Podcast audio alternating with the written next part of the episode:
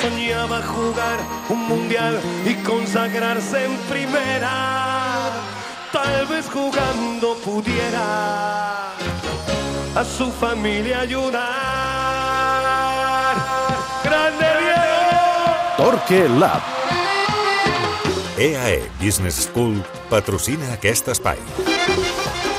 Ara escoltàvem els entrenadors d'aquest Madrid City, Ancelotti i Guardiola. En parlàvem amb els nostres col·laboradors d'avui, amb el Marcos López, l'Edu Polo i la Marta Carreras. Però és moment d'obrir el laboratori. Ricard Torquemada, bona tarda. Bona tarda. El City l'any passat ho va tenir a la mà. De fet, fins al minut 89 era finalista de la Champions, però se li va acabar escapant entre el tram final de partit i la posterior pròrroga i va quedar eliminat a mans del Madrid quan semblava, aparentment, que era un equip superior. Té el City aquesta temporada més opcions des del teu punt de vista que el de l'any passat per fer fora el Madrid? Potser sí. Eh, jo crec que té més maduresa. Jo, jo crec que aquest City no és tan brillant com el d'altres anys, però és més contundent, més consistent, més madur. O sigui, tinc la sensació que quan veus el City ara no veus eh, aquell joc tan harmònic, eh, aquella convicció tan radical, sinó que Guardiola ha anat introduint matisos tant des de la planificació de la plantilla com des dels matisos tàctics que han fet de l'equip un equip amb pell més dura i s'ha demostrat a les eliminatòries de, de Champions, eh? on, per exemple, eh, van tenir un partit d'anada a Leipzig eh, on van tenir 45 minuts eh, a la segona part fluixos, eh, on van patir molt contra el Bayern, que és un senyor equip, eh, però s'hi van imposar pel, pel, pel colpeig, pel domini de les àrees, i crec que la temporada ha estat una miqueta en aquesta línia, no? I crec que mm, s'ha anat enriquint tant l'equip, ha anat madurant tant, eh, que també des del punt de vista de l'experiència d'un equip que ja té un cicle de vida llarg, la recuperació d'algunes peces des del punt de vista individual, han fet que hagi saltat un esglaó competitiu, si més no. Uh -huh. um, per tu és més definitiu uh, que el City tingui a Holland en un moment potser clau de l'eliminatòria o és més definitiu que la tornada sigui a l'Etihad? Jo crec que Holland eh, és un futbolista que marca molt el, el, el capítol actual de, del City, no? en la història del City de Guardiola eh, si repassem una mica la trajectòria de Guardiola com a entrenador, eh, ell, un nou especialista, eh, no ha acabat d'entendre's de, gaire. Eh, va tenir Ibrahimovic i ja sabem com va acabar mm. aquella història, quan va tenir Eto va aparèixer el fals nou... Quan va tenir sempre... Villa el va posar a la banda... Exacte, i ell sempre havia defensat que ell, com a futbolista, mai no havia gaudit tant com amb l'Audrup de fals nou, que és quan va descobrir la importància de tenir un, un fals nou. Per què? Perquè el fals nou et creava superioritats numèriques al mig camp i aleshores l'equip fluïa, tenia molta més passada. La, la, la fase final del joc diríem que no depèn tant de crear superioritats numèriques, sinó d'un bon moviment passador-receptor, d'un moment de profunditat, de desequilibri, de rematada, però en Guardiola diríem que ha excel·lit perquè el futbol cruifista sempre ha estat pendent de tenir eh, un jugador més en cada línia per poder fer-te amo de la pilota, per poder avançar a través de la superioritat, eh, per poder dominar i controlar el partit. No? Sempre és més fàcil si en tens un més.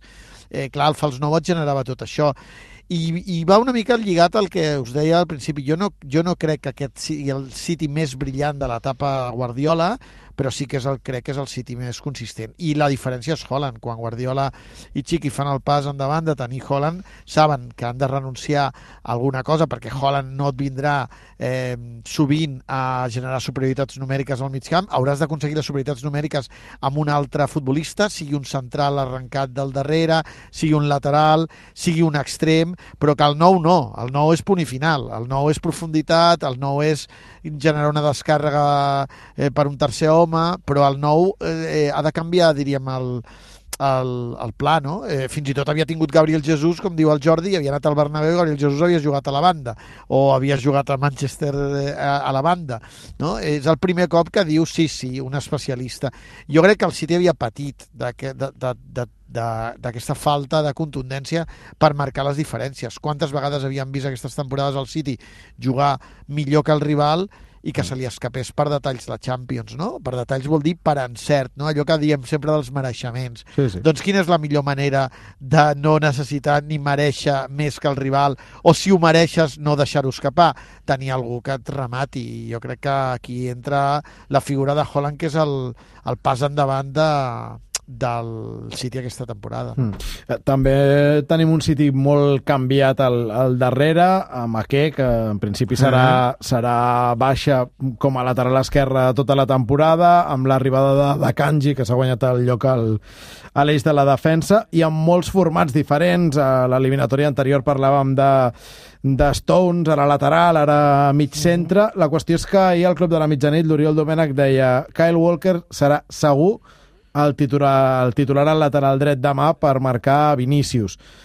No sé si, si t'encaixa, sí per perfil, evidentment, però tenint sí. en compte que Kyle Walker no ha jugat o no està jugant gaire darrerament. Sí, és veritat. Fixa't, Jordi, que Kyle Walker comença a jugar quan el City passa als quarts de final. Jo crec que Guardiola té clar que Walker és el seu home, el seu Araujo per Vinícius, i com dius tu, en una temporada on ha jugat molt amb laterals centrals, eh, sigui Akanji, sigui Stones, eh, on també es va desprendre de Cancelo, que gairebé diria que el lateral especialista al City ha desaparegut, no? Eh, que és un lateral però que és un central, un tercer central, no? Són jugadors com Koundé ara fa de lateral al Barça, laterals molt baixos, no laterals mm, de carril, no? No, no tenen res a veure amb, amb Mendy, Zinchenko, Cancelo, eh, o fins i tot el Kyle Walker, que tot i que Kyle Walker té les dues possibilitats, no? Eh, I s'ha anat especialitzant finalment en, en, en defensar més zones interiors i jugar per dintre i no jugar tant per fora. Clar, eh, Walker és un jugador que jo crec que després d'Araujo és el futbolista ara mateix més dotat al món per encarar el marcatge de Vinícius, perquè és molt explosiu, és molt ràpid i té una cosa que també té Araujo, que ocupa molt bé els espais amb el cos, és molt fort. Eh, Vinícius té problemes amb defenses tan forts, perquè ell és molt ràpid, però si tu ocupes l'espai al mateix moment que ell, si tu ets fort en el cos a cos, Vinícius aquí no et supera. Vinícius necessita tenir distància amb el, amb el teu oponent directe. Si quan Araujo i Walker estan molt a sobre de Vinícius, el cos a cos que tenen, la capacitat que, eh, de dominar duels eh, físics en el contacte, fan que Vinícius tingui algun problema més. Eh, fixa't que quan Vinícius pot fer mal a Araujo normalment és quan ve amb carrera llarga i aleshores pot sortir per dintre, per fora, pot fer moltes coses. Quan té a Araujo a prop, que és el que jo crec que li pot passar amb Walker, ja ha de decidir molt més ràpid, perquè Walker i Araujo resolen la seva dificultat per mantenir, diríem, la mateixa explosivitat que Vinícius amb el cos a cos. Mentre hi hagi contacte, eh, com que són molt més forts que Vinícius, Vinícius ha de, ha de corregir les seves trajectòries, ha d'intentar trobar aquest punt de distància que no hi hagi contacte, se sent més incòmode. Jo crec que és un jugador eh, diríem que ideal per defensar aquest cara a cara. Hi ha molts pocs futbolistes al món perquè has de tenir velocitat, has de dominar el cos a cos, has de, ser, has de tenir força mental per, a, per aguantar que t'encarin constantment i jo crec que Walker està en aquesta línia que és un especialista i que Guardiola ha començat a pensar en ell eh, com dius tu, en una temporada relativament irregular, quan va passar els quarts de final, on gairebé crec que no va jugar. Ara deies que la temporada irregular et referies a, a Walker, eh, sí. però a, abans comentaves que aquest City havia estat menys harmònic que altres anys mm. i també a la Premier el que hem vist és que ha estat més irregular que de costum, però fa la sensació que arriba eh, aquesta eliminatòria en el moment, millor moment de la temporada pel City, no? Sí, és que la temporada del City, i recordeu unes, unes declaracions de Guardiola un dia molt enfadat a la Premier dient que la diferència entre l'Arsenal i el City era el desig, no? que l'Arsenal jugava cada pilota i cada partit com si fos l'últim i que el City venia de guanyar lligues eh, amb molta continuïtat. Clar, si el City ha superat aquesta part i arriba a la part final, tot aquest punt que ha tingut durant la temporada de certa eh, relaxació, de certa distensió, de cop i volta s'acaba, perquè ara ja són uh -huh. estímuls forts.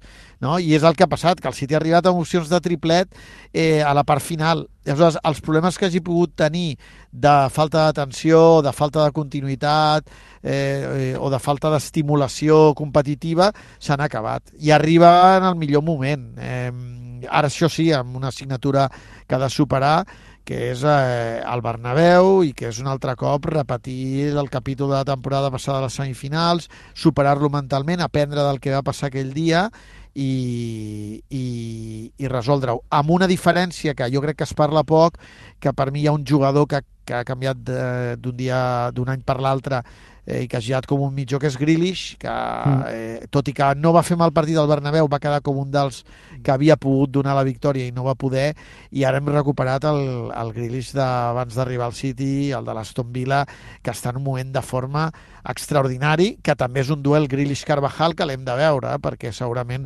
serà no, sí, el la duel, rèplica El duel ja li va guanyar l'any passat, el que passa després la va fotre fora. És veritat, però l'any passat tenia un problema de falta de confiança i de falta de continuïtat, Segurament. Sí, i jo sí. crec que ara Grealish està molt, molt encès fins al punt que, que aquest duel, en parlem molt del Vinicius Walker, però jo crec que el Grealish Carvajal és un duel també que pot marcar diferències, perquè si el City té capacitat per desequilibrar aquí en el cara a cara, el Madrid no se sentirà tan còmode. Per exemple, l'altre dia Carvajal es va menjar Abde, i eh, no crec que passi el mateix amb Grealish. Home, no seria ben bé el mateix, ni de fet eh, valen el mateix a Grealish i, i el pobre Abde.